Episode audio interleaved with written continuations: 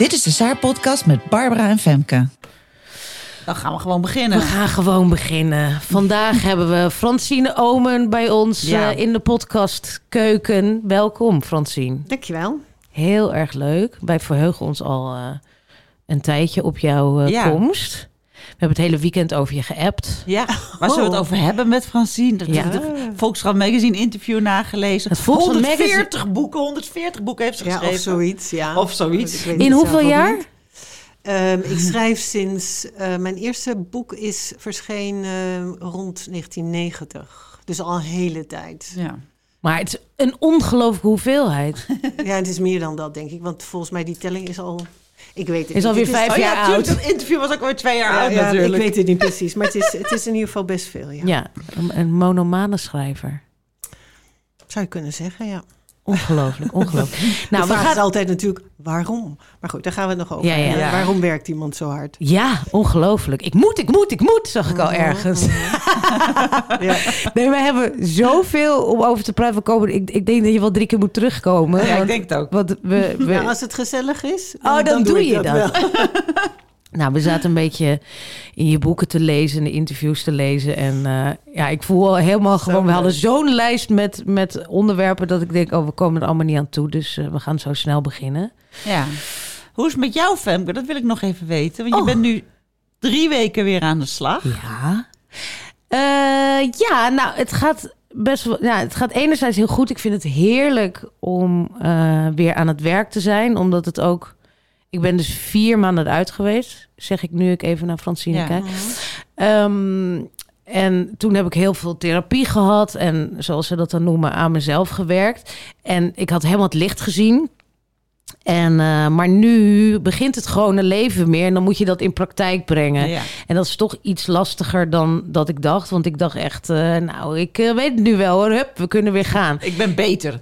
Zoiets, ja. En ik moet inhalen, ook dat nog. Ja. Ja, precies. Dus dat is ook wat er gebeurt. Eh, ehm, qua sociaal, zeg maar, heb ik heel veel vrienden niet gezien. Dus ik ben nu alles eh, Precies, aan, hè, aan het inhalen. Dus ik heb nu drie afspraken in een weekend. Terwijl dat niet heel handig is met mijn kind met autisme. Ik kan alleen nog maar aan werk denken, omdat ik het... Oh, ik zit... Barbara zit aan de Nee, knop. nee, nee, nee, helemaal niet. Nee. Ik kan alleen nog maar aan werk denken, omdat ik zo lang daar niet mee bezig ben geweest. En ik vind dat heel leuk. Ik heb daar passie voor. Maar af en toe denk ik s'nachts, joh, stop eens. Ja. Denk eens aan wat anders, weet je. Maar ik kan alleen nog maar dingen bedenken. Nou, dit en dan komt die en dan gaan we het daarover hebben. Oh, ik moet nog even dat interview lezen, midden in de nacht, weet je. Ja, dat gaat aan één stuk door. Dus ik was gisteren een column erover aan het schrijven. En toen merkte ik wel van, nou ja, dat dat ook weer goed is als je er even over schrijft. En nou, ik blijf die Expressie is de remedie tegen depressie, zeg ik altijd. Precies, En dat- dat, erover schrijven. Ja. Dan, dan kader je het weer een beetje. En eh, hè, nou, ik ben nu weer. Ik heb mijn boek eh, van Gijs Jansen, die ik aan het lezen was, Ja. uit. Dus ik ben nu die van jou aan het lezen. Vrij zijn kun je leren. Die, die zegt nu ook weer allerlei dingen. Dat ik denk, oh ja, oh ja, oh ja. Dit is goed. Dus ik moet daarmee bezig blijven, omdat ik toch dat hoofd moet. Moet. Ik wil graag.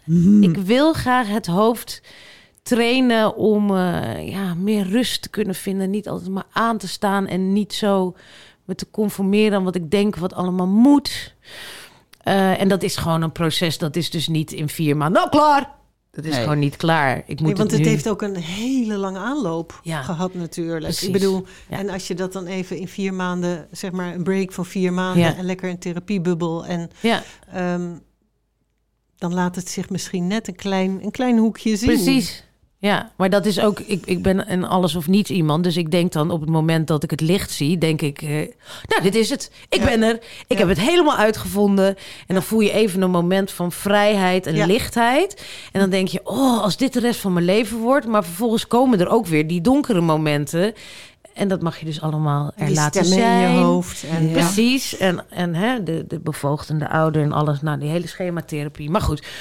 Eh, dus dat, de work in progress is het. Maar ja, ik, eh, ik, ben, ik ben niet negatief of zo. Maar ik merk wel dat het eh, meer werk kost dan ik dacht.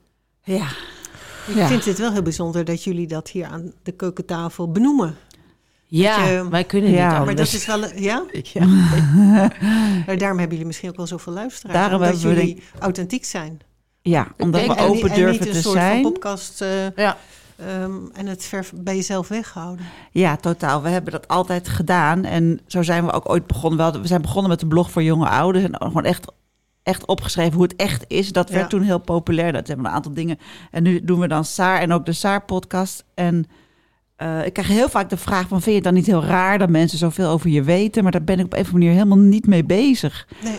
Het is... eh, ja, ik weet niet. We hebben gewoon een gesprek. En ze zeggen wel eens over de Saar-podcast... het is net alsof je op een terras zit... en dat je wat grachtengordelige vrouwen met elkaar hoort praten. Dat je dat allemaal afluistert. Nou, dat vind ik een compliment. Dat Ja. vind ik mooi. Ja, dat is zeker. En ik heb eigenlijk niet zoveel te verbergen. En wat ik wel te verbergen heb, dat zeg ik natuurlijk niet. Nee. Eh, maar dat, ik zou er eigenlijk moeten we even over nadenken.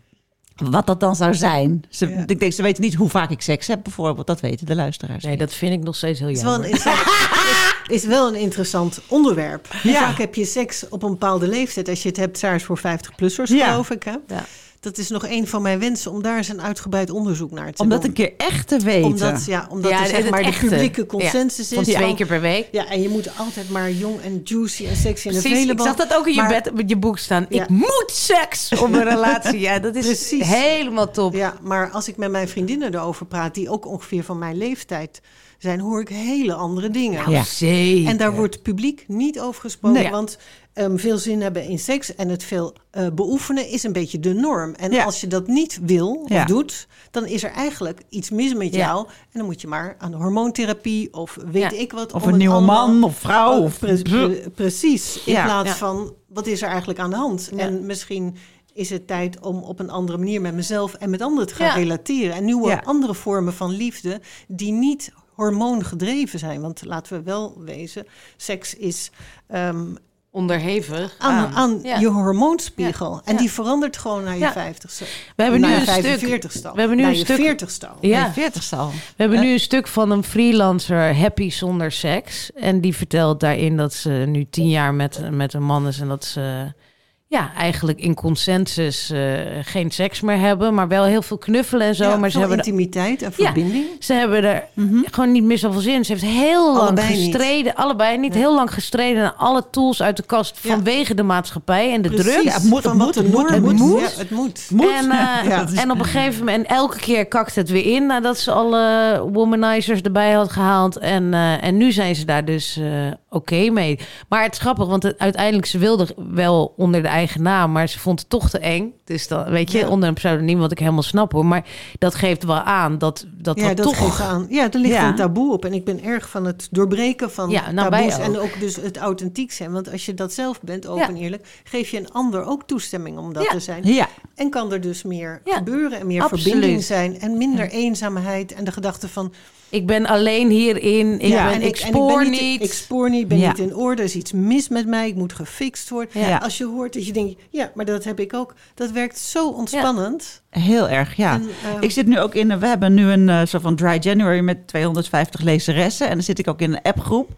Eh, waar ze allemaal met elkaar praten, hun levensverhaal vertellen. heel en hun inspirerend. uitglijders vertellen. Vertellen Ja. hoeveel ze dronken, eh, hoe het nu gaat. Dat ze Ja. nog steeds met en koppijn. allemaal open en eerlijk. Allemaal, open, allemaal onder hun eigen naam. Ik bedoel, Ja. het was niet verplicht om in die groep te gaan. En de, Ja. de 173 hebben dat wel mooi. gedaan. Wat een fantastisch geweldig. initiatief. Heel Geweldig. leuk Als je het is hebt het. over verbinding en elkaar helpen, weet je, dat is zo prachtig. Dat je dus ook niet per se naar ehm, professionele hulp hoeft te zoeken, maar je elkaar kunt Ja. Ja. steunen. ze helpen het elkaar moment, zo. Ja, dat je eerlijk bent en open bent. Ja, het is echt heel lief dat iemand ook zegt van... Nou, ik heb gisteravond gewoon een hele fles wijn leeg gedronken. Ja, zit dus midden in mijn dry January, maar... Ja. Ja, ik het had moest. geen aanleiding, er was niks gebeurd. Ik dacht gewoon, ik ga het gewoon doen. Ja. en ik heb hier in de podcast wel regelmatig verteld... ik drink wel echt veel te veel. Ik ben echt zo'n dagelijkse drinker. Dus ik Ja. dacht, nou ja, dus dat, dat, dat, vandaar ook dit initiatief. En nu gaat het heel prima, die dry January en zo. Eh, maar ook dit weekend één keer niet. Dus dat heb ik ook weer eerlijk opgebiecht in, Oh ja, in de, de- in de groep. Oh ja, maar dat-? Maar ja, dat, dat mag ook. Weet je, we zijn zo streng, want we, dat woord moeten is nu al heel vaak gevallen. We zijn zo streng voor onszelf, inclusief ik hoor. Ik heb het uitgevonden zo'n beetje. En het is overigens een overlevingsstrategie, hè? Streng zijn Ja, voor ja, jezelf. ja, je stelt Maar regels om de controle te houden. Precies, om te kunnen overleven. Ja. Ja. En, ehm, Maar we moeten zoveel van onszelf. Ja. En dat wordt ook gevoed, denk ik, door, laat ik het maar even, het kapitalistisch systeem noemen. Ja, het Van- van streven, het streven en eh, naar- ambitie, naar ver- ja, perfectie. verbetering, fixen. Want het is allemaal geld aan het verdoen, Ja. verdienen. Hè? Ja. Ja. Als jij het gevoel hebt dat je niet goed genoeg hebt, valt er geld aan jou te verdienen. Ja. Op wat voor manier dan ook. Of dat nou met botoxen is, of met een nieuw dieet, of met Ja. eh, hormoonpilletje. Ja. Of nou ja, Ja. de lijst is eindeloos. Ja. Maar als we gewoon denken van nou... Ik ben het. al goed zoals ik ben. Ja, dat zei eh, Gijs Jansen vanochtend in mijn, in mijn luisterboek. Je bent er al. Vond ik dan weer heel mooi. Dacht ik, Ja. ja. Nee, dat is echt, ja, dat ik, vind ik ik echt prachtig. dan moet Je ik denken aan, ik was ooit in Italië, in een hotel, en zag ik in de, in de lobby, een hele rare plek, in een etalage in de lobby een t-shirt hangen. Ik heb zo spijt dat ik hem niet gekocht heb. Daar stond op de tekst, you, were, you are the treasure you were always seeking. Oh, Oh, wauw. Ja. Zo'n Ja. mooie tekst, Ja. want wij zijn alsmaar buiten onszelf bezig Ja. met, met het gat te vullen. Met de gat, maar het is niet. Het, het, Ja, het is er al. Het, Het is genoeg. Ja. Ja. en dan zit er natuurlijk ook daarbinnenin een heleboel ehm, negatieve zelfovertuigingen en die overlevingsstrategieën. Ja. Ja. En, ja, en dat is. Ik, ik kom overigens net terug, als je het hebt over al dit soort dingen. Ik was vanmorgen bij, voor het eerst van mijn leven bij een rebalancing therapeute, die dus lichaamsgerichte therapie geeft. Dat heb ik wel eens gehoord. Oh. Ik weet niet wat dat Vertel. is. Vertel, ja, nou, ik ben er pas één keer geweest, maar ik zat al binnen tien minuten te huilen, wat ik helemaal niet van plan was. Mhm. En eh, het, het voelde ontzettend bevrijdend. En de ene therapeut is natuurlijk de andere niet. Ehm, maar voor mij was het echt tijd. Weet je, ik snap het allemaal. Wij leven met z'n allen heel erg in ons hoofd. Ja, Mhm. En niet in ons lichaam. nee. Want in ons lichaam is het in feite onveilig. Ja. In ons, in ons hoofd is het veilig. Als je in je hoofd zit, dan hoef je niet te voelen eigenlijk. Ja. En na ehm, Hoe overleven we? Dat is mijn Ja. de, eh, ik zal eventjes voor de luisteraar zeggen, Ja. een autobiografische graphic novel over intergenerationeel trauma en heling. Ja. Waarin ik het helemaal uit de doeken doe. Hoe het ontstaat, hoe overdracht Ja. plaatsvindt van de ene generatie op de andere. Dus Ja. als je de dingen niet uitzoekt en verwerkt en adresseert, dan gaan ze gewoon lekker als cadeautje door naar de volgende generatie. Ehm, wat wou ik nou zeggen? Dus ik snapte het helemaal hoe het werkt, Ja. trauma. En ik had maar Mhm. een soort, ben een soort van deeltijdpsycholoog geworden Ja. intussen. En, maar ik realiseerde me wel heel erg, je komt er niet met alleen maar weten. Met het snappen, begrijpen. Je moet het ook voelen. Ja. En dat is eigenlijk, dat weten probeert het voelen tegen te houden. ja. Ja, ja. En ik vond het dus eigenlijk... Maar wat doen ze daar? Nou, het is... ehm, wat doen ze daar? Daar, daar begon ik ook in de auto daar naartoe opeens te denken... wat gaat ze dadelijk Ja. eigenlijk doen?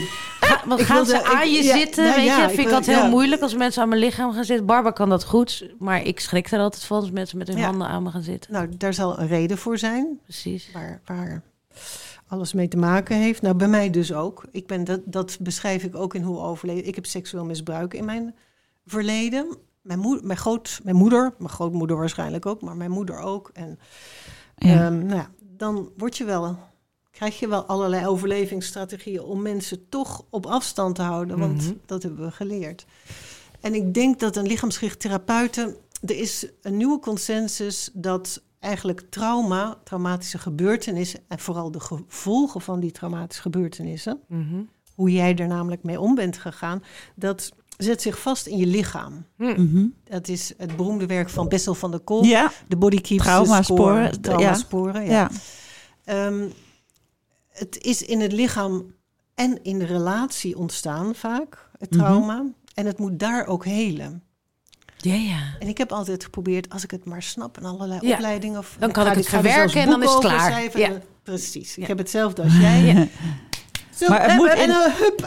In een relatie helen, zei je? Wat? Ja. Vertel. Dus het trauma ontstaat in een, bijna altijd in een relatie. Ik heb het dan, dan over ontwikkelingstrauma. Je hebt natuurlijk wat ze noemen shocktrauma. Dat is bijvoorbeeld eh, een tsunami. Of Ja, je- een, een auto- een ongeluk. Ja, je Ja. krijgt Mhm. de oorlog. Ehm, waar ook allerlei, natuurlijk allerlei dingen omheen zitten. Maar heel veel mensen hebben zonder dat ze het weten last van ontwikkelingstrauma. Die hebben Ja. in hun jeugd bepaalde dingen meegemaakt. En niet alleen zij, maar waarschijnlijk ook hun ouders en hun Ja. grootouders. waarvan ze zich helemaal niet gerealiseerd hebben wat voor impact dat heeft op hun leven en hoezeer hen dat gevormd heeft. Ja. En je moet het in de relatie oplossen, zeg je. En het hoe is is, in dat? de relatie. Nou, in feite heb je een soort van. ehm, je hebt een conclusie. Je maakt als kind een conclusie. Zo ben ik. Ja. Zo zijn mijn primary caretakers. Dus Ja. de mensen die voor mij moeten zorgen. Ja. En zo is de wereld. Ja. En dat is een. Dat noemen ze ook wel het script, de blauwdruk. Ja. En dat is ongeveer rond je zevende klaar. Dan Ja. staat het Oh. gewoon eigenlijk Ja. vast. Ja, ja. Ja. Hoe jij over jezelf en over andere mensen denkt. En dat zijn dus kindconclusies. Ja. Dus een kind kan niet zien als een, als een bijvoorbeeld een ouder is verwaarlozend. Heeft eigenlijk is te weinig emotioneel beschikbaar. Ehm verwaarloosd kind. Het kind kan niet nade- nadenken en, en denken van ja, misschien heeft mijn moeder het wel moeilijk. Nee. Ehm, is, er, is er van alles in de hand, Ja. aan de hand in haar leven op Ja. het moment. Nee. Het kind denkt, het ligt aan mij. Ik ben niet de moeite waard om Ja. voor te zorgen. Ja. Ik ben slecht, ik deug niet, ik ben ongewenst, la la la. ja. En, zon, en dat script wordt heel diep begraven. En op basis daarvan leid jij je leven. Ja. En sterker nog, herhaal je. Dat gedrag. ha- Ja, doordat Want je hebt dat- geleerd dat je verwaarlozing is de standaard. Dus je gaat zelf ook verwaarlozen. Ja, en zoals. Ja, en dat vind ik. Toen dat doordrong was best een heftige. Zo, zoals jouw ouders jou behandeld hebben. Mhm. Ongewild, hè? Want zij komen ook van ouders Ja. vandaan. En zij hebben ook hun opvoeding gehad.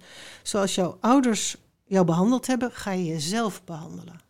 Ja. Dus bijvoorbeeld, dat verwaarlozen komt niet voor niks in me op. Ik ben best wel als kind, denk ik, heb verwaarloosd. Mhm.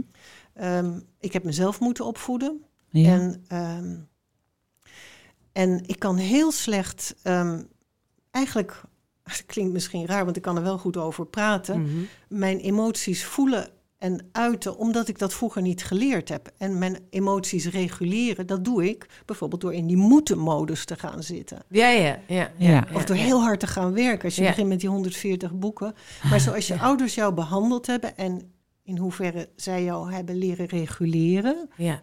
Ehm, en dan kom je terug op in de relatie helen. Je leert zelfregulatie door co-regulatie. Want als een kleine baby kan zichzelf niet reguleren. Als dat over zijn toeren raakt. ehm, Ja, dan moet die gesust worden door een rustige moeder en niet door een gestreste moeder. precies, en als die moeder in paniek raakt. Ja. Van het, Ja, ja. Dan, dan is het on top of it, zeg maar. En natuurlijk mag die moeder best wel eens in paniek raken. maar niet en- elke keer. Maar niet elke keer. Nee. Dat is dus of je voldoende aanwezig bent geweest. Maar dus zoals je ouders je behandeld hebben, zo behandel je, is je interne huishouding ook. We gaan hier later nog even verder over praten. Ja. Want ik wil, nog, eh, ik wil ook nog even naar onze rubriek gereed. Ja. Want eh, je begon eh, net al, nou, voordat we eh, met de opname begonnen over de hormonen en waar je over geschreven hebt en dat daar best wel wat reuring rondom was. Dus wij dachten, dat weten we ook nog. En, en laten we hormoontherapie gaan reten. Want dat is wel grappig, want ik weet wel, dat jij bent er tegen. Ben je, de- kun, kan ik zeggen dat jij er tegen bent? Barbara, die slikt nu hormonen of je spuit ze. Ja, ik heb een gel. Je hebt een gel. Ja. Dus ver- vertel eens, wat, wat, waarom is jouw... ehm, ja, ben je er echt valikant tegen? Of, of eh, heb, hebben ze iets van, nou, kies zelf, maar ik doe het niet? Hoe, hoe kijk jij naar hormoontherapie? Nou, ik, ik ben, ehm, en daar moet ik een beetje mee uitkijken. Het is goed dat je zegt dat, dat jij het wel gebruikt. Nee, je kan Ehm, gewoon zeggen wat ik, je ik, denkt. Ik doe, ik doe gewoon wat de dokter zegt, maar ik, ik heb geen mening erover eigenlijk. Is dat verstandig? ja, nou, Vertel ja, maar. Ik, ik, ik, ik heb geen zin om me erin te verdiepen. En de dokter zegt, als ik jou was, zou ik dat gebruiken. Heb je Ome stroomt over gelezen? Eh, ja, heb ik hier voor me Ja. liggen. Dus ja. je weet hoe ik over denk. Ja, maar dat, dat, dat moet jij nog even gaan formuleren. Voor- ja. ja. Ehm, ik denk dat ehm, ten eerste ehm, er niet genoeg voorlichting wordt gegeven over wat de consequenties kunnen zijn van het gebruik van hormoonsuppletie. Naar mijn idee wordt dat ontzettend gebagatelliseerd en onder het vloerkleed geschoven. Want de, informatie die huisartsen geven, Ja. die eh, wordt aan hen gegeven door de eh pharma. Ja. Dus ehm, Die onderzoeken dat natuurlijk ook. Ja, en wat denk je wat een bakker van zijn eigen brood Ja, zegt? hartstikke Ja. goed. Hartstikke goed brood. Topbrood. Ja. Kopen allemaal. Allemaal kopen. Ja. Ehm, ik denk zeker dat iedereen er zelf voor moet kiezen wat hij doet met zijn eigen lichaam, natuurlijk. Maar ik heb het vooral niet op de informatievoorziening. Hm. Die is niet neutraal, die is biased, zoals dat heet. Mhm. Maar ik weet wel dat op een gegeven moment... er was een onderzoek waardoor mensen angstig wa- waren voor hormonen. Hè? Dat je, dat je In- meer in- bos, ja. bord- borstkanker zou kunnen krijgen. Ja. Daarna, ik weet wel, hè, Dorenda van Dijk... die we dan, eh, nou die ken je dan natuurlijk ook... Hè, die, die zegt van ja, maar die onderzoeken zijn achterhaald. Inmiddels weten we dat het maar een heel klein percentage is. Hoe kijk je daar dan tegen? Want dat is wel gewoon een gynaecoloog, hè, deze vrouw. Die heeft ervoor gestudeerd, denk ik dan. Nou, ehm, ik zip mijn mond over. Personen. We gaan niet over personen. Nee, we gaan niet op de persoon, Nee, maar weet goed. je wat er gebeurd is? Ehm, Wat er gebeurd in, is? Rond 2001 was het, is er inderdaad in Amerika een heel groot onderzoek heeft er plaatsgevonden. Dat viel niet zo goed uit. En ehm, dus de farma zag hun marktaandeel gigantisch kelderen. Want moet je eens voorstellen wat, een, wat eh, een vrouw in de overgang... Ik geloof, hoeveel zijn het er op de wereld per jaar? Nou, dat, dat zijn er heel... Het is de helft... 1 in- miljard. Ja, miljard, nou ja, dat zou maar de helft. In, in Nederland alleen 15 al bijna duurt. 3 miljoen, Ja. geloof ik. Ja, ja. Oh, wauw. Oh, wauw, Ja. ja. Dus de farma die zag, die zag hun aandeel gigantisch kelderen. Het was een, een, een, zeg maar een onderzoek door een neutrale partij. Heel veel onderzoek wordt gepleegd door de farma zelf. hoor. Mm, Dus die bakker. En ehm, toen dachten ze van shit, we moeten hier iets aan doen. We moeten hier de afdeling marketing op zet- zetten, want wij willen ons aandeel terug. Ja. Ehm, en liefst nog uitbreiden ook, want dit hier, hier, hier ehm, Hier cashen we niet genoeg op. nee. Ja. Ehm, wat ze toen gedaan hebben is eigenlijk een soort marketingoffensief. Offensief. Er is niks veranderd aan die hormonen of nauwelijks iets, maar ze zijn het anders gaan noemen. Ze hebben het genoemd bio-identieke hormonen. ja, precies. Ja. Lichaams-eigen. Lichaams... Nou, dikke bullshit. Sorry hoor, dat is Mhm. echt onzin. Ja, natuurlijk hebben wij... Daar zit progesteron, oestrogeen, weet ik wat... en dat wordt in ons lichaam aangemaakt. Maar de hoe, ten eerste is het synthetisch... maar ten tweede, die hormonen... dat die hor- hormonen in ons lichaam eh langzamerhand minder worden... dat is een natuurlijk proces. Waarom moet je er dan... dat is de eh, bedoeling. Dat ja. is de bedoeling. Ja, ja, ja. En het is geen ziekte, de overgang. Nee. Het is hetzelfde als dat je de, de puberteit probeert tegen te houden of over te slaan. Want dat is wat de artsen zeggen. Ja, die overgang, je hoeft niet te lijden, mevrouwtje. Je hoeft niet te last Precies, te hebben. maar wat- van, van, Ja. Dus sla hem over, Ja. Neem lekker hormonen. Ja. Maar bijvoorbeeld, ze zeggen niet bij wat wel degelijk nog steeds de gevaren ervan zijn. Want die zijn er, die er toen naar boven kwamen, die zijn er echt wel. Dat is helemaal niet van. Maar wat ze er ook niet bij zeggen is, hoe moet je ermee stoppen? Als je eruit bent. Ik weet het niet hoor. Ik nee, zeg maar maar weet je, als je gewoon heel simpel nadenkt, hè, ehm, je hebt een bepaalde hormoonspiegel. Ja. Nou, rond je veertigste begint dat een beetje te golven, Ja. te husselen, de hormonenhussel.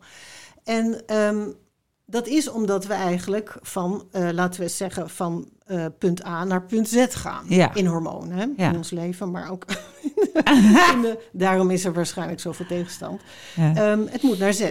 Ja. Dan word je door die hormoonsuppletie Mhm. kun- kunstmatig op Z gehouden. Of, Oh, op sorry, aangehouden. Ja, ja. En dan ineens ga je naar zet.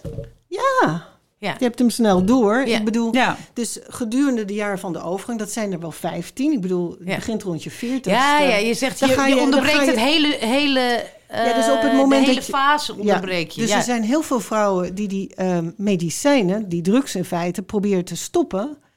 En dan binnen, binnen, omdat ze denken van nou, het voelt toch eigenlijk niet lekker en het heeft bijwerking en toch ook risico's. Hoe langer je het neemt, hoe Ja. risicovol het ja, wordt. boven de vijf jaar maar goed, op het du moment dat je ermee stopt, komt dat lichaam in een soort hormonale vacuüm terecht. Dan krijgt een enorme, als een op een rollercoaster schiet je naar beneden opeens. Want dat horm- die hormonen vallen weg, die spiegel is. Ja. En dan krijg je dus alle In symptomen. één keer. In één keer, je slaapt niet meer. Je krijgt opeens gigantische opvliegers. Je, je wordt zo labiel als een apennootje, weet ik veel. Ehm, en de meeste vrouwen zeggen dan, oeh, maar dit kan me niet permitteren. Want ik moet werken. Precies, heb- want dat is natuurlijk ja. wel het ding. Ik wil- snap het in deze maatschappij Ik wel. het, ik snap het dat we het nemen omdat... We, willen, we willen we moeten door... door Ja, we we zijn moeten. worden ouder, we, moeten, We doorwerken. willen en we willen. Natuurlijk. Nou, dit moet wel echt. Ja, als je, moet geld Als je verdienen. een hypotheek hebt Ja. en je kun je het niet permitteren. Om dan om, te zeggen, nee, ik ehm, zit in de overgang. ja. Ga even vijf, eh, vijf jaar in de tuin werken, zeg maar. ja, dat, is chargeren. Want ze- het begint nu wel langzamerhand volgens mij op eh, de agenda van, van Dat- het bedrijfsleven. en Dat Wies laatst ook. van de politiek te Ja, komen. ja. Je hoeft niet vijf jaar in de tuin te gaan Ja, werken ja. of eh, op Ibiza ehm Retraites te volgen. retraites te volgen met hele lekkere cocktails en zo. En, en massage. Mag wel, Geen mag wel, alcohol. mag wel. Geen alcohol. Ah, Ja, sorry. Een beetje alcohol. Nee, precies, maar... Maar er is, er is want je zegt Het mag wel wat woord, mellow. de maatschappij. Ja, Wat nee, vraagt zeker. de maatschappij allemaal van ons? En zeker als je een historisch perspectief plaatst. Wij zijn de eerste generatie, kijk ik jou Mhm. even aan, niet Femke, je bent iets jonger. Ja. ehm, die doorwerkt, die en een carrière hebben en ehm, vaak ook nog een kinderen en huishouden en Ja. weet ik wat allemaal. En wij vinden maar, we zijn ook een soort van aan het compenseren. Mhm. Van, van ja, onze ouders die konden dat allemaal niet. Waren ook die, onze moeders waren allemaal ontzettend gefrustreerd omdat ze alleen maar achter het aanrecht mochten. En ehm, we moeten ontzettend, dit is een maatschappij van moeten. Ik heb wel eens Mhm. gezegd, in, in Ome stroomt over, praat ik over tang. Dat is mijn Ja, ik vond die echt geweldig. ja, Ja, die mijn vind- innerlijke slavendrijver. Barbara, lees het even voor. Want de, Ja. ik, ik was net was ik hem eh, ik ga- op de redactie aan het voorstellen. Ja, ja, ja. Er is hier een, een vrouw getekend, een soort van heks met een hele gemene lange neus en een hele boze blik en zo'n Ja, een hele strakke knot. Ze heeft Hele- geen botox Ja. nodig. hele strakke knot. En de, de mond is zo'n omgekeerde Streep. streep. En ze, kijkt, ze kijkt woedend en ze heeft een zweepje. Ja, en haar op haar tanden en haar op haar benen. Oh, haar, op de tand, haar op de benen, precies. Even voorstellen, dit is degene van wie ik zoveel moet. Tang! Van beroep is een slavendrijver, een akelig wijf, nooit tevreden en weet van geen ophouden. Kritisch, veel eisend en bikkelhard. Haar motto is, het is nooit genoeg. Je moet, je moet, je moet. Doorwerken jij, schiet nou eens op, luilak. ja, ja, rustig aan, rustig aan. Dan zie je Francine daar tikken achter de laptop. Ja, ja, ja, ja, ja. nou ja, voor de duidelijkheid, dit is niet mijn tante of huishouster. Ze woont in mijn hoofd. Eh, Ik krijg het al benauwd als jij, als jij het zo voorleest. Ja. Dan raak ik al buiten adem. Ja, het is verschrikkelijk. Maar ik, toen ik dat las, toen dacht ik, ja, wauw, want dit is zo... Nou, ik weet, heeft iedereen dit? Nou, dat wilde ik, daar wilde ik naartoe. Deze maatschappij wordt Maak je geregeerd door tangen. Ja. De- dit is, tang Ja. is de opperbevelhebber van deze hele maatschappij... Ja. waar wij in het Westen hierin leven. Ja. Zonder dat we het in de gaten hebben. Precies. Want ik geef regelmatig ook workshops en zo. En iedereen heeft dit Iedereen heeft deel tang. dat de hele tijd maar A zit te zeiken, want het is niet goed genoeg en je ziet er niet goed. Zij zit ook bijvoorbeeld heel erg op mijn uiterlijk. Ja? Wordt ouder en oh man, als ik in de spiegel kijk, ze, nog steeds staat Tang. zij achter me wijzen naar, naar elk rimpeltje. Oh mijn god. oh. Maar wij hebben allemaal zo, dat is gewoon geïnternaliseerd. Maar als je naar Ja. die hormonen kijkt, zeg maar dan... dan dat is dus een hele discussie eigenlijk... die we met elkaar dan zouden moeten eh, voeren. En wie weet gaan we ook wel die kant op. Dat er dus ruimte voor zou moeten zijn... Precies, voor deze periode in Ja. een vrouwenleven... zodat je niet die hormonen nodig hebt om die periode door te komen... maar Nee. het natuurlijk proces kan volgen... Precies. kan blijven werken zonder... Ja. Want kijk, je hebt natuurlijk hè, onze eh, geliefde Els, die Mm. zat 15 jaar lang in een hele heftige overgang. Mijn moeder die zegt dat ik had nergens plaats van. Je hebt natuurlijk echt wel verschillen. Er is 20% van de vrouwen heeft er weinig tot geen last van. En dan heb je die een goede eh, predictor. Nee, dat is niet hoor. Ja, Precursor schijnt. voor jou. schijnt, maar dat, dat ja. ik, ik ben, ik Als heb nu waar al is, hè? ellende. Als het, oh, als het waar is. Hè? Want een heleboel vrouwen van onze generatie en daarvoor Die hadden het er ook niet over. die hadden het er niet over. Maar die kwamen wel vaak, vaak terecht. eh, in, de, in de tijd van Freud werden ze hysterica genoemd. Ja, precies. Waren ze hysterisch opeens, omdat ze niet meer deden wat er van hun verwacht werd. Ja. En ze werden opgesloten. Of ze gingen zelfmedicatie doen. En dan maak ik nou een, een, eh, Een een- drinkbeweging. een Oh, ja, het drinkbeweging. borreltje in De de, sherrykuur. De sherrykuur. Oh ja. Pleegzuster bloedwijn. Was in de winkel te koop. Daar begonnen ze bij het ontbijt mee. Ja. Dat is sterker dan port. Oh. Gewoon, ja, ze is goed voor, voor de ijzergehalte in mijn bloed. En Ja. Oh my god. intussen waren ze gewoon bedwelmden ze zichzelf om de ellende niet te voelen. Maar goed, Ja. oké. Maar goed, jij zegt dus, eh, als we het even reten, wat is een cijfer? Jij geeft dus eh, hormoontherapie een, eh, een 1. Nou ja, weet je wat het is? Het is quick fix. Hormoontherapie, het helpt. maar het is een quick, quick fix. En dan zeg ik daarna long-term trouble. Ja, ja. Dus als jij dat wil, een quick fix, dat jij de komende... Ja, je gaat er wel tegenaan lopen. Maar je dat gaat betalen. Ja. Je gaat betalen, Ja, je gaat gewoon... Dat zeg ik ook Je moet maar betalen. Betaal je dan meer dan wanneer je het niet doet? dat is een betaal je later? Hele slimme Dat vraag, is, Barbara. Nee, ik denk dat je meer betaalt. Ja. Ik- want zeg maar de risico's die het eh, mee, dat weet je, dat zijn allemaal geen leuke. Kanker krijgen, hart- en vaatziektes. En ze weten zelfs ook niet precies wat voor invloed het op je brein heeft. Mhm. Dat eh, misschien ook wel met Alzheimer te maken heeft. En je- Jezus, Gadver- moet ik- Nou, moet Ja, je er ik weer was net zo blij. Het gaat net zo goed met Barbara. Ja, maar nogmaals, maar ik begon dit hele, hele verhaal Ja. met... We hebben goede voor. Weet je, jij zei, ik wil me er niet in verdiepen. Dan denk ik meteen, waarom niet? Want je wil heel graag ervan af. Ik snap het helemaal. Ik Ja. heb alle hoeken van de overgang gezien. Ja, Echt, ja. En zoveel last had ik helemaal niet. nee. Nou, pff, Maar ik was bij de gynaecoloog, ben helemaal doorgelezen. Zei, nou, ik zou dit, dit en dit doen. Ik zei, oké. En nu ben ik dus weer ontzettend ongesteld, wat dus al bijna weg was. Maar nu ben ik gewoon weer elke maand gewoon helemaal ongesteld. Want dat, door de progesteron Ja. word je dat weer. Ja, kan je ook vragen. Hmm, Ja, inderdaad. Dat maar ik- als we nou goede voorlichting krijgen, maar Ja? dat geldt voor een heleboel, geldt ook voor de antidepressiva, voor de antipsychotica. Ja. Maar die informatie, die krijgen wij niet. Omdat, hebben we ook aan onszelf te danken. Omdat wij gewoon van de shit af willen. Ja. En dat is ook weer een soort van ons erin gestampt door het kapitalistische systeem. Ja, het moet Wat- snel, hè? Het moet snel, het, Het moet snel. Dus je hebt een Ja. depressie. Hier- heb je een pil. Want ik En bedoel.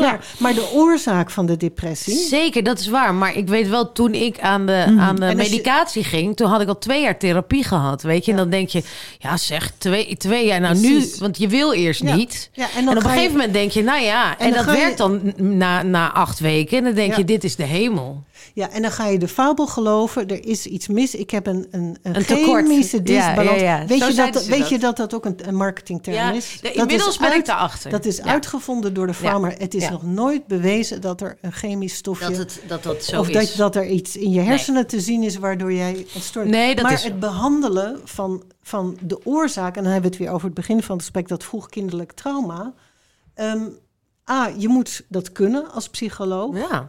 En het kost tijd. Ja. En daar is geen geld voor in de Nee. zorgverzekering. Nee. Dus wordt er gezocht voor een quick fix. Ja. Maar Het, het hebt- levert geld op natuurlijk. Want ik ben, en, en, en therapieën ja. zijn en lang. En, ze, en, en ik bedoel, je moet zelf ook heel erg geïnvesteerd zijn. Hè? Want ik merk nu dat mijn therapieën nu goed werken. Toen ik 20 was of 25, veel minder. Toen kwam het veel minder aan. Ja. Dus weet je, ik, het ik ligt ook overigens aan ook het wel. soort therapie. Hè? Tuurlijk, Ik bedoel, want er is een hoop kaf onder het koren. Zeker. En, ehm, Ik heb er acht gehad, dus daar had er wel één precies. mogen En werken. heel veel, ik hoor zo vaak van mensen dat ze eigenlijk sorry, Ja? van de regen in de drup komen. En dat ze op een gegeven moment denken van nou, Laat maar, kom maar hier laat maar gewoon weer pillen. met de pil. Ik Ja. ben gewoon niet te, te Nee. helpen. Ja. Ja, precies. En ehm, ik sta alweer nu buiten. Ja. En, en de zorgverzekering die vergoedt maar een beperkt Ja. aantal keer. Dus na 15 keer moet het klaar zijn. ja, en wat je dan voorgeschoteld krijgt is een protocol meestal. Ja. Er zijn uitzonderingen hoor. Er zijn hele en die zijn niet altijd op jou van toepassing. Helemaal niet. En dan denk je, nou, en, en dan vervolgens, en weer door. Ja, want er moet wel gewerkt worden en Ja. de hypotheek moet betaald. Dus huppakee, pilletje erin en gaan. Nee, de hele maatschappij moet veranderd worden, maar goed. Het is een hele deprimerende podcast dit. Ja. Zullen we dan maar even naar de sponsor gaan? We gaan nu even naar onze sponsor.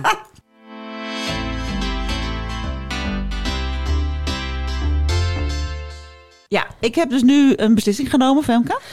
Vertel. Ik heb besloten dat mijn kinderen gewoon nu voor een heel groot deel vegetarisch gaan eten vanaf nu. Oh, Ja. wauw. Want ik, ja, ik, ik heb gewoon heel lang, ik ben natuurlijk al heel lang vegetariër. Ik heb heel lang apart gekookt voor ze. Ja. Voor, voor mij dit, voor hun dat. Maar ja, goed, nu zijn ze gewoon groot en ze, ze lusten gewoon van alles. Ik heb gedacht, weet je wat, ik ga nu gewoon vegetarische maaltijden voor ze maken. Mhm. En ehm, dat komt mede door HelloFresh, want die hebben gewoon supergoeie eh pubervriendelijke maaltijden. Ja. Die iedereen lust. Ja. Dus bijvoorbeeld laatst had ik eh, gebakken rijst met dan vegetarische schnitzel in stukjes gesneden. Lekker is die, hè? Dat die vinden ken ze ik dus ook. fantastisch. Ja. Ja, en de daalsoep en melanzane heb ik laatst gemaakt. Ja. Eigenlijk een soort lasagne, maar dan met Ze aubergine. hebben voor die taco's met, eh, met bonen of zo, of met linzen, weet je. En daar zit dan ook guacamole overheen. Nou. Max heeft niet eens door dat er geen gehakt in zit. Want die guacamole maakt al lekker. En ja, ik ben ook een soort puber, dus ik vind het ook heerlijk. Nou, dus ik ben hartstikke blij. Dus met HelloFresh lukt het mij nu om die kinderen vegetarisch eten te geven. En eh, ze zeggen steeds, nee, dat, ze, ze, ze willen ook niet de hele tijd hetzelfde eten. En dat vind ik dus ook zo handig. Je, je krijgt gewoon elke week andere gerechten. Ja, je hoeft niet de hele tijd na te denken hè, van Nee. oh, wat zal ik nu weer maken? Of dat je steeds hetzelfde maakt. Je hebt gewoon, zij denken voor jou, nou, je hebt al genoeg Ja. om over na te denken. Precies. Nou, Dus eh, denk je nou, dit vind ik ook wel heel aantrekkelijk. Dit wil ik ook voor mijn puurs of voor mezelf. Dan kun jij tot wel 90 euro korting op je eerste vier boxen besparen. En je krijgt ook nog eens voor altijd gratis snacks. Maar dat is wel voor de nieuwe HelloFreshers. Hè, want je kan ook al vroeger HelloFresh zijn geweest. De kortingscode is Hello Saar Podcast. En de link vind je in onze bio. doen hoor.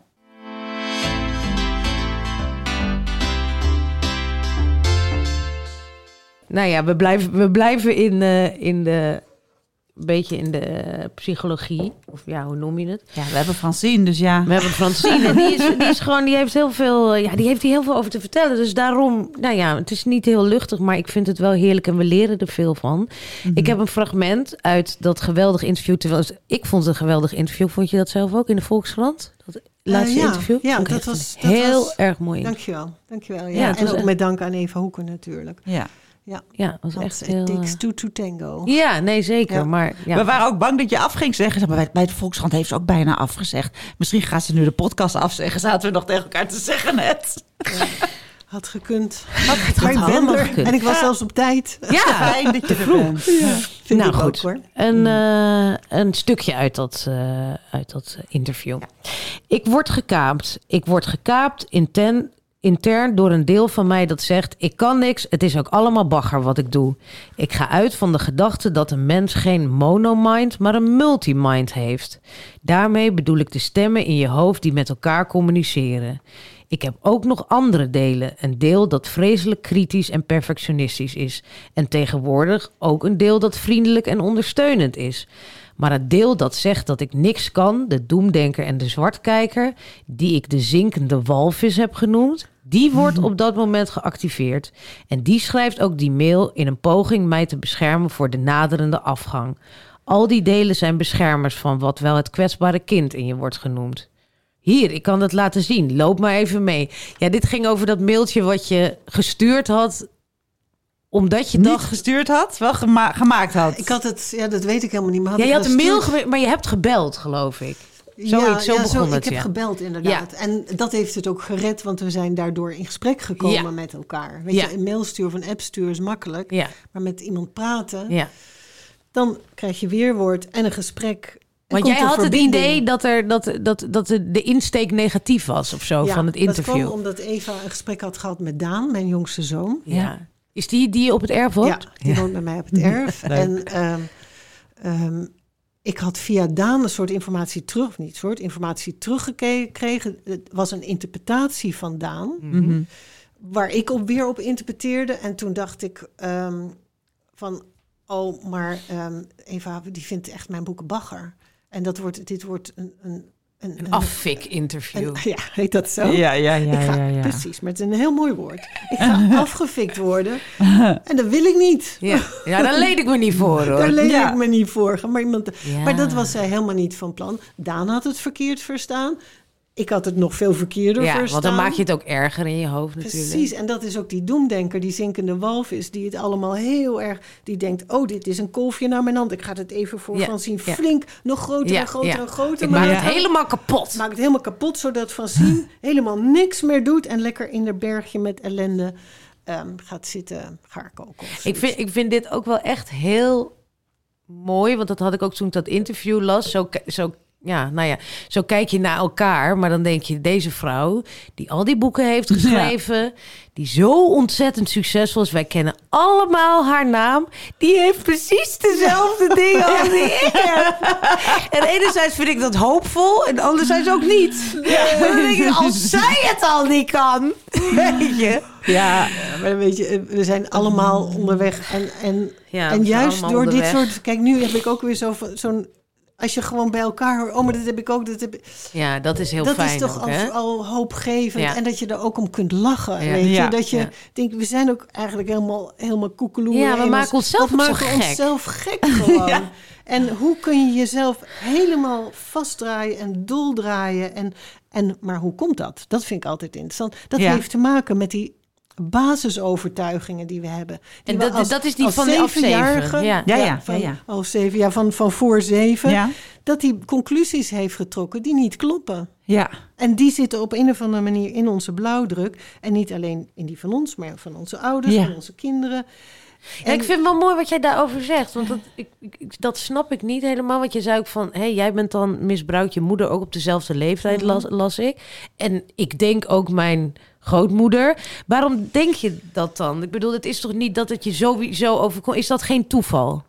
Nee, Nee. er bestaat, sorry, maar er bestaat volgens mij niet zoals, zoiets als toeval. Ik denk eigenlijk dat nooit iets zomaar uit de lucht komt vallen.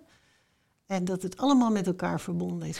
Maar weet je even over die grootmoeder, daar weet ik natuurlijk niks van. Maar als je nu weet dat één op de vier meisjes voor hun achttiende, één op de vier, Eén op de vier. Op met de seksueel vier. misbruik, op wat voor manier dan ook te maken heeft. Ook helemaal kippenvel van. Ja. Ja. Dus kijk maar eens naar schoolklas. Jee, jee. En dan kijk je naar 30 kinderen en denk je, nou. Zo. En dat blijft heel vaak verborgen. Die krijgen allemaal andere diagnoses vaak. Ja. Wauw. Die helemaal niet zeg maar, met de oorsprong van het probleem. Maar dat zijn wij. Hè. Wij leven in de Me- MeToo-tijd. Wij Ja. trekken ons mond open. Maar mijn moeder, die heeft het. Mijn moeder kon geen geheim houden, omdat ze een heel groot geheim moest verbergen. Oh, dat was verder een, een kletser. Verder was ze echt zo onbetrouwbaar als het Piet. Oh, die lulde alles al- door? Lulde alle, maar daar op dat geheim heeft... Dat was een soort compensatie. Maar goed, dat had te maken... ehm, dat was rond oorlogstijd was mijn moeder een klein meisje, Mhm. zo'n 32. Eh, een arm gezin, dat lees je allemaal in Hoe overleven we? Mhm. De kerk, het was Maastricht. De kerk had een alomvattende eh, ja, gezag. Op ja. alles, ja. Katholieke gezin, door wie is misbruikt door de pastoor. Maar daar is nooit over gesproken. En waarschijnlijk is er nog veel meer in dat gezin gebeurd.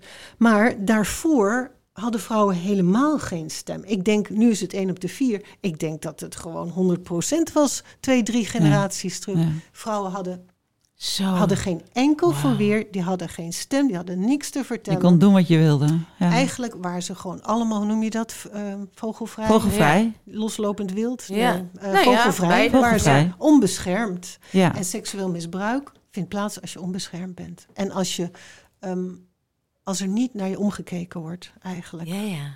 En jij was onbeschermd. Er werd niet naar jou Er werd niet omgekeken. naar mij omgekeken. En ik had liefde nodig. Ja. En dat is een val waar nog steeds zoveel jonge mensen, kinderen nu intrappen. Je wendt je naar een bron van wat je denkt wat liefde is, wat Ja. zich voordoet als liefde. Ja. En je moet ervoor betalen met je lichaam.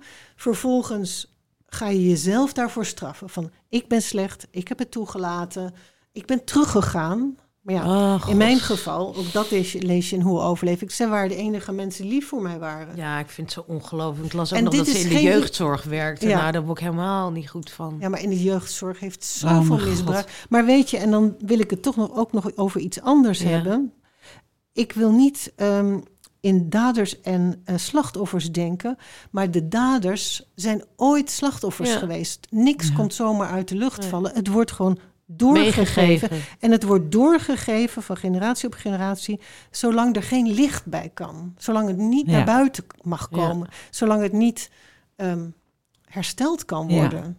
Kan je daardoor dan ook met een bepaalde mildheid ernaar kijken? Of die, die mensen die dat jou hebben aangedaan, dat vergeven om het een plek te geven? Of hoe ga je daarmee Nou, om? het, het erge is, ik was niet eens boos op hen. Ik ben heel lang heb ik niet, ben ik niet boos op hen, maar alleen maar boos op mezelf geweest. Heb ik zelfhaat, Ja. zelfverwijt. En zij bleven gewoon zelfs bijna buiten beeld. Zo. Ja. Ik dacht dat, dat het aan mij lag. Ja, ja. En die mildheid zit, zit er me nu wel in. Dat ik denk van ja, die man is zelf in kindertehuizen opgegroeid. Ja, ja. Wat is er met hem gebeurd? Ja, ja. Ja. Maar helpt dat dan om het te verwerken? Als je daar meer ruimte aan geeft dat hij ook een verleden heeft? Ehm, ik denk dat, dat het begint met, met de verzachting en een compassie met jezelf. Ja. Ja. Dat, ik, dat je die stap nooit mag overslaan. En dat, ja, dat het Ja. doorgegeven wordt van generatie op generatie. Dat is zo, maar het begint met, met de zachtheid naar jezelf. Van dat ik gewoon zie van ja, ik kon geen kant op. Ja. Is het de hele, vraag ik me altijd af, hè? Als, je, als je heel erg beschadigd bent in je jeugd, hè? Dat, soms denk ik, ja, is dat eh, weg te therapieën, zeg maar? Ja, weet je? Nou, het is nooit weg. Ik denk niet, weet je, ik ben er nu, ik kom vanmorgen weer van een lichaamsgerichte Ja. therapeut. Precies, je blijft ermee niet voor bezig. niks. Ja, het is ja. laagje voor laagje voor laagje. En, ehm, ja, en alles wat je doet is denk ik meegenomen. Ja, als, je het, als je niks doet, geef je het gewoon bijna één op één door. ja. Ook al denk je bijvoorbeeld, ik dacht, ik ga het helemaal anders doen als mijn moeder. Mhm. Nou, en na x, x jaar kwam ik erachter dat ik misschien wel bepaalde dingen anders had gedaan. Maar het resultaat leek best wel veel. Serieus? Wauw. Ja, Kan je je nagaan, kunt hè? dingen niet anders doen als je niet anders bent geworden. Dus ik denk elk laagje wat je afpelt, wat je dichter terugbrengt naar je, Ker- naar je onschuldig, Ja, ja. naar je Ja, ja, onschuld ja. of zo, Ja. of naar wie jij in wezen bent, is meegenomen. En dat het misschien ook een illusie is, nee. Ik denk dat ik tot mijn dood hiermee bezig blijf. ja. Maar dat er wel meer momenten komen van zelfacceptatie, van ontspanning, van, nou, van dit, van dat ik door kan ademen in Ja. plaats van mm, dat schrap zetten. Ja, meer momenten zeg je ook. Dus het is niet weg, maar meer momenten dat het wel goed is. dingen, weet je, ik denk als we het over die generaties hebben die van, van zo ver terugkomen, er zijn niet in één generatie te fixen, maar het feit dat wij, deze Beginnen. generatie, deze tijden waarin wij nu leven, dat we het überhaupt herkennen en erkennen ja, ja, Mhm. dat is al een begin. en over beginnen te praten, Ja. dat is al zoveel waard, denk ik. Ja. ja. Maar ik besef het inderdaad steeds meer. Ik bedoel, dit zit ook in onze act, maar wat jij nu ook vertelt. Ehm, nou ja, hoe, hoe, mijn zoon heeft dus autisme, die kan heel woedend worden, maar ik kan ook heel woedend worden. Alleen ik reguleer nou misschien meer naar binnen, zeg maar, en hij naar buiten. Dus hij kan, eh, kon enorm slaan en, Mhm. eh, en nou ja, ik krijg depressies waarschijnlijk of zo. Weet je? Dus het is heel Jij slaat naar binnen. ja, precies. Dus het is heel, heel interessant. eh, als ik nu eh, ontplof, ook, en hij heeft ook heel veel therapieën, hoe hij nu ook met mij samen kan reguleren. En dat ik dan ook denk van, ja, ik leef hem dit ook voor. Ja. Weet je? En ik bedoel, ben me daar, daar, daar kan ik dan weer een extra schuldgevoel over ontwikkelen ook natuurlijk. Ik bedoel, het werkt aan twee. Enerzijds denk ik, het is goed dat ik aan mezelf werk. Want dan geef ik het minder door. En anderzijds, als het niet lukt, dan eh, denk ik ook... Oh jee, ik ben weer woedend geworden. Zie je dat ik heb een hele kind Ja. verpesten. Ja, weet je? ja, ja. Het is ook zo hard werken af en toe. Dat is het ook het leven. ja. dat is het ook het leven. En, gaan Maar je, liggen. ja, precies. Nou, dat had ik dus vanmorgen. Want jij vroeg wat, wat je, heb je bij die lichaams. Ja, wat Ja, nou? want dat nou? weten we nog steeds niet. Nou, nou ze, ze behandelt dus eigenlijk minder door te praten als wel. We hebben veel gepraat vanmorgen, maar door te voelen, door de emoties te voelen. Maar Aan je ik- lijf. Ja, aan mijn lijf, in mijn lijf, maar gewoon eigenlijk wat ik vanmorgen. Ik wilde alleen maar gaan liggen. Ik was zo moe van, van echt van, nou precies wat jij nu voor. Dat allemaal, oh, dat moeten, moeten, moeten. Ik was zo moe. En dan ga je op een behandeltafel Nou ja, liggen? dat durfde ik eerst. Ja, zij heeft een behandeltafel waar, waar zij ook, want het is lichaamsgerichte therapie, dus het, het gaat ook via het lichaam. Ze heeft me niet aangeraakt, want het kon gewoon nog. Ik durfde eerst helemaal niet te gaan liggen. Ja, ja. Het was al heel wat dat ik ging liggen. Ja. en Oh, zij wauw. is gewoon in een stoel verderop gaan zitten en heeft met, Oh. met mij gepraat. Oh. Waardoor, Ja, ja. en dat is een soort van die, die herprogrammering van ehm, dat je er mag zijn met je behoeftes in plaats van ze de hele tijd een soort zoom te geven van ik, er wordt nu van mij dit verwacht, dus ehm, ik had ook de hele heb ik ook gewoon maar geuit van ja, dat zegt de stem van van zie je doet belachelijk, schaam je. Mhm. Ehm, maar zij eigenlijk stimuleerde juist gewoon om te voelen wat ik voelde op dat moment. En dat was een enorme moeheid. Ja, ja. Is, Wauw. het, is zo lichaamsgerichte therapie, is, heeft dat ook wat met haptonomie te maken? Ja, ja. uiteindelijk wel denk ik. Ja, ik nogmaals, ik ben pas één, ik ga zeker door. Maar ik het vind heeft het heel- absoluut ook, want het zit in je lichaam. Ja, want het is, heeft ook wel weer met die hele... Hè, nou, mijn zoon zit nu in een holistische therapie. Dat Oh, is ook goed. lichaam en Ja. geest. En ik zie inderdaad hoe goed dat werkt om... Hè, ik bedoel, tegen hem zegt ze dan van... je kan je woede ook door te stampen of te zingen en zo, Ja. weet je. Dat vind ik zo goed, inderdaad. Ja. We zijn zo bezig met... Hij heeft jarenlang alleen maar op kennis. Zo van, Ja. dit mag niet en we gaan nu daar in de hoek zitten en weet ik wat. En dat dat Ja. Hoe oud lichaam... is vraag me? Elf Elf. dat dat lichaam, dat je daar ook zo mee het ventiel kan losdraaien, zeg maar. Dat, nou dat is ik weer dat expressie. Hè? Expressie is de remedie tegen depressie. Ja. En we hebben geleerd van kinds af aan om het binnen te houden. We Ja. mogen niet schreeuwen, Nee. we mogen niet Doe niet zo hysterisch. Je moet naar je kamer tot je weer normaal kunt Ja, doen. ja, ja, Ja. Ga jij maar even normaal doen. Ja. Bij mij, Ik wil jou niet meer was horen. Zelfs zo, als, als ik iets deed wat niet door de beugel... dan moest ik zonder eten naar bed. Oh ja. Oh, Ken jij die nog? Ja, nou, dat hebben mijn ouders nooit gedaan, Nou, maar dat was bij mij ding was het zonder aan de- eten naar aan de- bed. Aan de toch ook lopende band. Ik heb ook een eetstoornis gehad. Zo. Ja, dan ga je dus met eten Dus straffen. als je zegt, ja, Ja. precies. Als je zegt van je, je gaat jezelf behandelen zoals je ouders je behandelen. Ik had iets slechts gedaan. Ik kreeg geen eten meer van mezelf. Oh, wow. Nee, echt? Dit is toch wel heel interessant. Dit is zo interessant. Dit is heel vaak Het waarschijnlijk is heel zo. shocking. Ja, en het is heel shocking. Dat het zo Ja. Dat je werkt. denkt, en nu dan denk ik, ben, die enorme moeheid komt ook voort. En het is niet de eerste keer dat ik dit voel, want ik weet dit al langer. Wat heb ik mezelf allemaal aangedaan? Ja. Ja, ja, ja. En dat is hoe je het opnieuw en opnieuw herhaalt eigenlijk. En dat is aan zich iets goed, want je probeert, ik denk dat de ziel altijd naar het licht wil. Je wilt hem goed krijgen. Ja, Je wilt het recht zetten. ja. Je wil Ja, niet, natuurlijk wil je niet allemaal de shit herhalen, maar het zijn een soort heropvoeringen van een toneelstuk.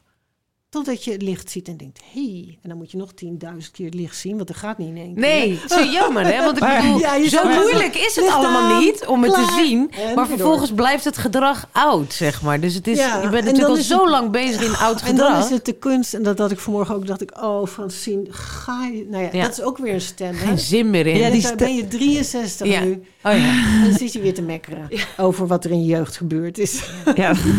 maar ja, als je dan weet dat rond je zevende, zeg maar, die hele constellatie er al is. Ja, Maar ik heb een paar weken geleden voor het eerst van mijn leven MDMA gebruikt. oh, dat wil ik ook nog gaan doen.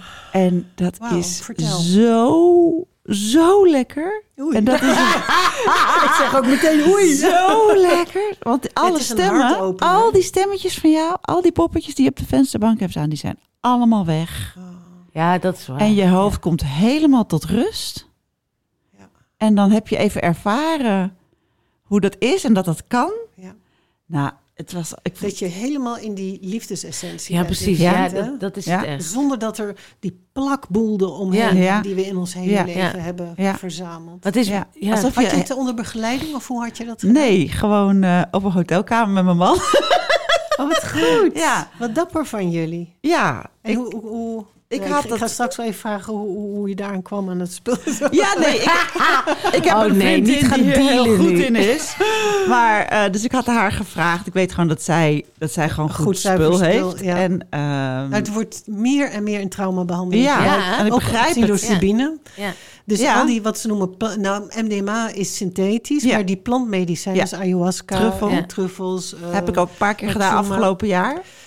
Ja, Dat is het is, echt eh, fantastisch. Nou ja, het is, eh, die plantmedicijnen zijn niet altijd fantastisch. Oké. Je kunt ook echt wel hele pittige eh, trips krijgen. Mhm. Dat je alle duistere hoeken van, van de kamer ziet. Ja, maar dat vind Maar- ik ook... Precies, Ik heb het vier keer gedaan nu. En dan ben ik ook heel blij dat ik daar precies, geweest ben. Dat wilde Sorry. ik zeggen, want Sorry. inderdaad, Ja. het plantmedicijn geeft je wat je nodig hebt op dat Ja. moment. En je moet gewoon, we kunnen niet, want daar hebben we het hele tijd, om de, om de hete brei eh, heen draaien. Ja. The only way out is through. Ja, dus je moet ook door die, Ja. dat... En dat is, nou ja, dat is ook denk ik wat de lichaamsgerichte therapeut je bij helpt. Ja. Ja, dat je erheen gaat. Dat zag ik ook in je, in je boek ja. inderdaad. En dat is wel... Ja, Dat vond ik nog wel lastig. Dat je dan, ja, dat je dan denkt, je bent eigenlijk constant aan het vermijden. Ja, ervan weg aan het lopen. En Ja. dat je denkt van ja, wat is dan er doorheen? En wat moet ik dan doen? En daar heb ik helemaal geen zin in. Nee. Dan krijg je ook Maar weer weet je, inderdaad dat het kind vroeger... rebel, rebellerende Ja, kind, zeker, noemen ze dat ook. dan? Ja. Ja, contramintje. Wil ik gewoon echt Ja. Contramintje. Ja. Ik heb hier geen zin in. Ik doe het niet. Nee, maar dat komt, je zet nu ook bijna een kindstem op, Ja. omdat vroeger moesten we eromheen. Als wij vroeger er recht doorheen waren gaan, we hadden de tools niet om het aan te kunnen. We, waren, we dachten dat we dood gingen Ja, Ja, en dus hebben we strategieën bedacht. ja. Maar nu zijn we volwassen, maar we hebben nog steeds dezelfde vermijding als toen. Ik ook vanmorgen hoor, ik dacht, ik dacht, ik ga toch niet voor, voor het eerst van mijn leven paniekaanval krijgen, hier. Ja, ja. Op die behandeltafel. Nee, toen lag ik er nog niet eens op. Ah. Waarom vond je het zo eng? Nabijheid, gezien worden, Ja. de wetenschap dat deze dame zich niet om de tuin liet leiden door al mijn prachtige Oh ja, coping. Kopingsmechanismen. Ja, ja, ja, en dat ja. is dus Ja. verhalen vertellen, Ja, beelden ervan. ja. Nou ja, wat ik in mijn... Ja, Dus een deel van mij kreeg het gewoon heel benauwd, denk ik toen. Van, wow, dit, eh, dit is niet zoals het normaal gaat. nee, nee, het is ongemakkelijk. Het is maar in dat ongemak zit wel de groei natuurlijk. Ja.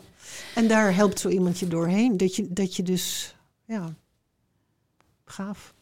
Ja, maar- Ja. wat, wat leuk die MDMA. Ik ga je zo... Oh nee, oh, Oh, nee. we hebben heel krijgen- We krijgen dan. Ik, ik, heb- we hebben de opmerking gehad dat ik. Ik heb dus voor het eerst in 25 jaar een half pilletje genomen. En dan krijgen ze. Op Instagram krijgen we dan comments dat ik de narco-staat Nederland in, In stand, stand hou. hou. Of zo, weet je wel, met mijn halve Ja. pilletje. Maar Ja. dat moeten ze allemaal zelf weten. Maar we proberen toch op met die drugs. Precies, we proberen nu ook wel eens een podcast over te slaan waarin Barbara Oh, over drugs dus begint. maar dat dus. lukt steeds niet. Maar mensen, het gaat steeds over datzelfde halve pilletje. Niet iedere keer weer een nieuw pilletje. Het is dat ene halve pilletje. Dus please onthoud je van Ik commentaar. heb vier keer een truffelceremonie gedaan. Ik heb één keer MDMA genomen. Oh ja, en op dat festival heb ik een paar kristalletjes Maar genomen weet je, die mensen die, die allemaal dat commentaar hebben, die zijn gewoon jaloers. Die willen, die Misschien. willen dat Die Die eigenlijk... zitten ook nogal in het mo- eh, moeten. Ja, ja. En, het die, moet die en het mo- denken- en ja, mo- het is ik mag gewoon, dat niet, ik mag jij, dat niet. Jij durft dat. Dus het, Ja. is, het is een beetje een spiegel. Dat ze denken, god, het is wel heel dapper van die vrouw dat ze dat Zo aangaat. zou ik ook En- wel willen en zijn. ja, zo zou... Maar, laat ik er een oordeel Maar op dat hebben, dan mag hou ik het lekker ver bij me, bij me vandaan. Ja. En ik vind, wil nog even zeggen, ik vind het gaaf dat je het samen met je man hebt gedaan, met je partner. Ja. Omdat het dus zo'n hartopener is en heel erg over verbinding gaat. En, En het werkt ook nog heel lang door. Want Ja, wat ik zie het in je ogen, want die beginnen gewoon te stralen. Met een soort liefde. Ja, het is ook liefde. Het is niet zozeer. Het is niet geil of zo. Het is Nee, maar het is- liefde. Het is echt wat. Het heeft niks we met geilheid slapen nu ook heel hè? anders. We slapen gewoon weer tegen elkaar aan. En Ja, er is gewoon precies, iets het is helemaal... geopend. Het is geopend. een hartopener. Het is Ja. ook een beetje een cliché term, maar Nou, ja, Maar het wel een werkt dus fijne term vind ik. Het het, is een ja. hartopener. Ja. Ja, het is echt... Maar ja. onge- ja, vind, ik vind het wel echt heel jammer van hoe we gecreëerd zijn, dat, we niet, dat, dat het niet altijd zo is. Ja, Toch? Want ik, nou ja, dit, dit verhaal heb ik ook al honderd keer verteld, maar ik heb het ook één keer gebruikt en ik dacht toen echt, dit is zoals het zou zo moeten moet zijn. het zijn. Gewoon zo Weet moet je, het zijn. alle ruis is weg. Ik voel me Je nu hebt het alleen ook een maar- keer gedaan, Ja, dus. ja, tien jaar geleden. Eh, en ik heb nooit drugs gedaan, lieve mensen. Eén keer E- MDMA. En twee druppeltjes THC. ja, ik dacht, ik dacht zal ik het noemen? We hebben het weer over drugs. We moeten echt Oké, ophouden. maar goed. En toen, toen dacht ik ook, ja, dit is, dit is, eh, alle, alle piekeren is weg. Ik wilde met iedereen knuffelen. Ik heb heel veel oordelen over mensen. Dat komt En ook dat uit oordelen allemaal- over jezelf. Het is allemaal En dat overlevingsstrategie. is allemaal, was allemaal weg. Ik voelde me gewoon open en iedereen was open.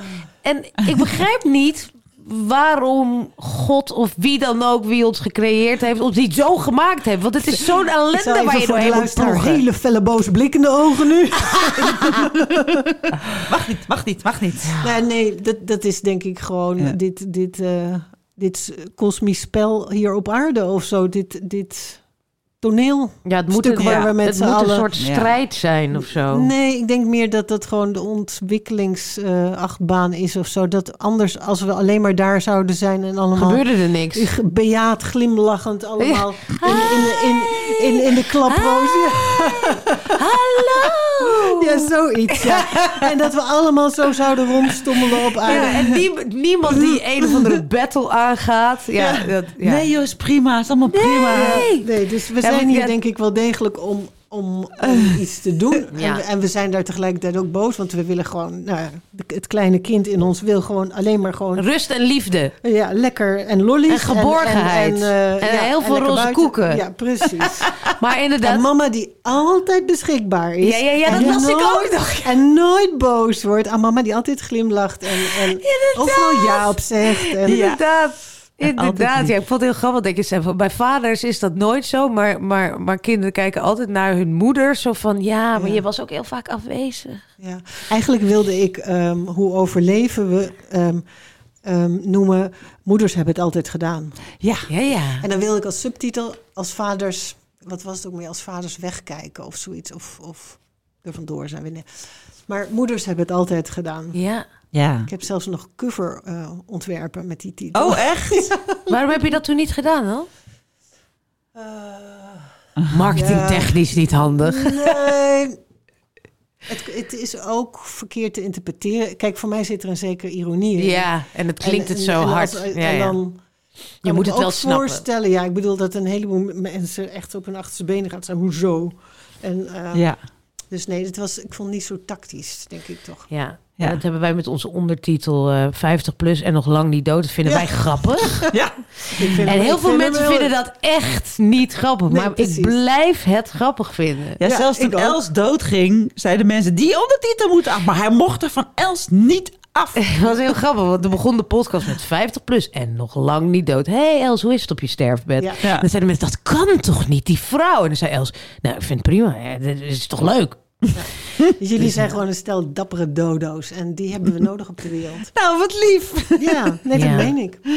Nou, jij ook. Jij ook. Maar ik vind het, dit is wel waar. Ik, ik vind ook een- ja, dat als je kijkt naar jouw verhaal, maar ieders verhaal, zeg maar, waar een, een struggle in zit, je, ja, je leert er ook heel veel van. En Ja. het, het is ook prachtig. Ik kan het soms ook. Ik bedoel, toen ik in die psychose kwam en de weken daarna dacht ik wel, oké, het is allemaal afgelopen. En straks word ik opgenomen in het mentorum en hoort nooit meer iemand van me. Maar als je daar toch weer weet uit te worstelen. Ja. En je ziet wat de ontwikkeling is en wat je ook weer meeneemt, wat ik nu beter doe dan daarvoor, dan zie ik ook wel, dan kan ik het ook wel weer omarmen, dit soort. Dan denk ik, ja, ik kan Ja. ook een kabbelend leven hebben, maar er gebeurt Ja. wel wat. Nou ja, wrijving geeft glans. En ik denk dat, en dat rijmt ook nog leuk, elke crisis is een kans. Ja, nou, Ja. kennelijk. Dus even ja. stilte. Nee, ja, ik even- good crisis. Ja. Ja. Precies, precies. Nou, dat Ja. is dus wel inderdaad zo. Ja. Ja. Ja. Mits je er, denk ik, iets mee doet. Ja, Want ze zeggen ook tijd heelt alle wonden. Maar je moet er wel iets mee Dat is doen. niet waar, Dat precies. is niet waar. Nee. Je moet er wel iets mee doen. En, eh, Ja. en ook dus het vertrouwen hebben dat je er iets mee kunt doen. Ja. ja, je moet ook wel Ja, de tools en hebben wat- en er naartoe werken. Want je kan natuurlijk ook denken, nou ja, dit was het en ik Ja, keer me en- daarvan af. Ja, en en dan blijft ja, dat ik- etteren. Ja, en doorgegeven worden aan je kinderen. Ja. Dus, ehm, en ik denk echt dat, nou, expressie is ermee tegen depressie, maar verbinding is ook ontzettend belangrijk. Ja, het Ja. is heel mooi. Dat merkte ik nu alweer op de redactie. Gewoon ehm, als je praat over waar jij over schrijft, dan is dat van. Hè, we hebben het helemaal niet gehad over je boek, wat je nu voor de, voor de dertigers hebt gemaakt. Eh, hè, Theatertour loopt er ook nog volgens mij. Nee, nee, nee, nee. nee. Oh, dat is straks in Nee, Carré nee. gewoon. Is dat een one-off? Die, die, was, die, was, die zou in, in eh, december, ik zou in december in Carré staan, maar Ja. ik ben na het uitkomen van het boek, na de tournee, heb, ben ik echt kloink Oh. in een enorm, ge- want ik heb al een keer afgezegd, hè. Ik zou al een keer Ja, dat is ja, waar. in de podcast, ja. Ik ben Ja. gewoon echt knalhard naar beneden gekeild daarna. Oh, Oh, shit. Ja, en vandaar dat ik dus nu ook weer een nieuwe ronde Ja. Werk te doen heb. Ik ben Ja. niet voor niks is dat Ja. gebeurd. Ja. Ik ben weer in de greep van tang gekomen. Je moet, je Ja, moet, je ja, moet. Ja. Kiezen op elkaar Ja. gezet. Ik heb ontzettend last van mijn kaken. Oh ja, ja dat hebben zo'n echt. Het, het, het, ja, dat het- knijpen, hè? Kaakklemmen. Wat, Ja. wat, nou, ik ben 63. Mijn kiezen kunnen er niet Ja, meer ja. tegen. Oh ja. Dus mijn kiezen beginnen gewoon af te brokkelen. Ja. Dat is doodeng allemaal. Jezus. Dus, eh, maar dat heeft gewoon te maken met, met kiezen te hard op elkaar. Ja. Doorgaan, doorgaan. En dat Kan je uitzicht- nagaan, en je hebt het allemaal opgeschreven. Je weet het zo Ja, en dus- helder. Het is, je bent inderdaad een En soort dus. van therapeut. Maar je moet er gaande mee blijven. Je kan het allemaal weten, maar het doen... Het voelen. Nu is het voor mij, Het ik, ik voelen. moet het gaan voelen. En het durven voelen. Ja. Maar goed, het is eh, inderdaad wat, wat eh, stap 1 is dat je het erkent en, Ja, en ermee aan de herkennen slag en gaan. Erkennen. Ja. En weten dat we niet alleen zijn. Precies, de verbinding. Dat, verbinding. dat, zei- Ja. dat wilde ik zeggen. Dat ik hier merkte dat al die topics die jij aanhaalt, of het nou in eh Ome stroomt over of deze hoe overleef ik alles wat ik niemand vertel, het zijn toch heel veel dingen zijn voor iedereen de struggle, zeg Ja. maar. En dat, en eh, dat, is, dat bedenk ik nu. Het is niet voor, voor niks dat eigenlijk al mijn boeken over verbinding gaan. Want dat vind ik zelf het allermoeilijkste. Het moeilijkste is. is, ja. Want, en dat ook weer het begin van, van ons verhaal. Mhm. Dat je, ehm, je wordt beschadigd in een relatie. En Ja. je moet helen in de relatie. En mensen die, die moeilijke dingen hebben meegemaakt in hun jeugd. Die kunnen zich eigenlijk per definitie niet goed Moeilijk. moeilijk verbinden. Want verbinding is gevaarlijk. Ja. Ja. Als de, jouw allereerste Ja. verbinding, dat is die met je ouders, al mank loopt. al mank loopt, hoe moet je dan verbindingen de rest van je leven doen? Want dat is een soort van de blauwdruk. ja. En dus je moet ook in de relatie helen. Ja. De relatie is helend. Ja. Nou, dit was podcast 99. ja, we hebben heel veel Volgende geleerd. week nummer gaat vast 100. vrolijker zijn.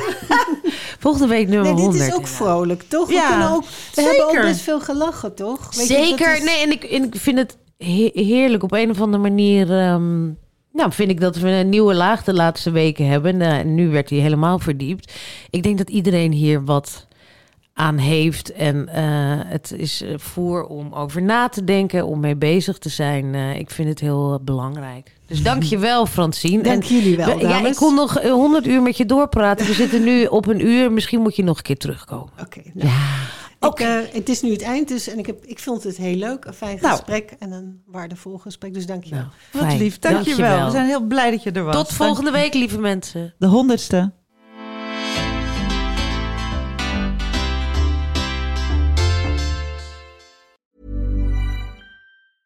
Wil jij weten hoe het werkt achter de schermen bij de grote streamers als Netflix, en Videoland en HBO Max? Luister dan naar Content Wars met voorbeeldontwikkelaar en toch wel de legende Kirstian van Nieuwenhuizen. Ja, Zou jij luisteren? ik zou zeker luisteren. eh, ook als ik er zelf niet aan mee zou doen. Eh, Zou jij luisteren? Zou jij luisteren? samen- Oh, nog een keer. Korter. Ik zou absoluut luisteren, jongens. Ga luisteren, want je wil weten wat er achter de schermen gebeurt.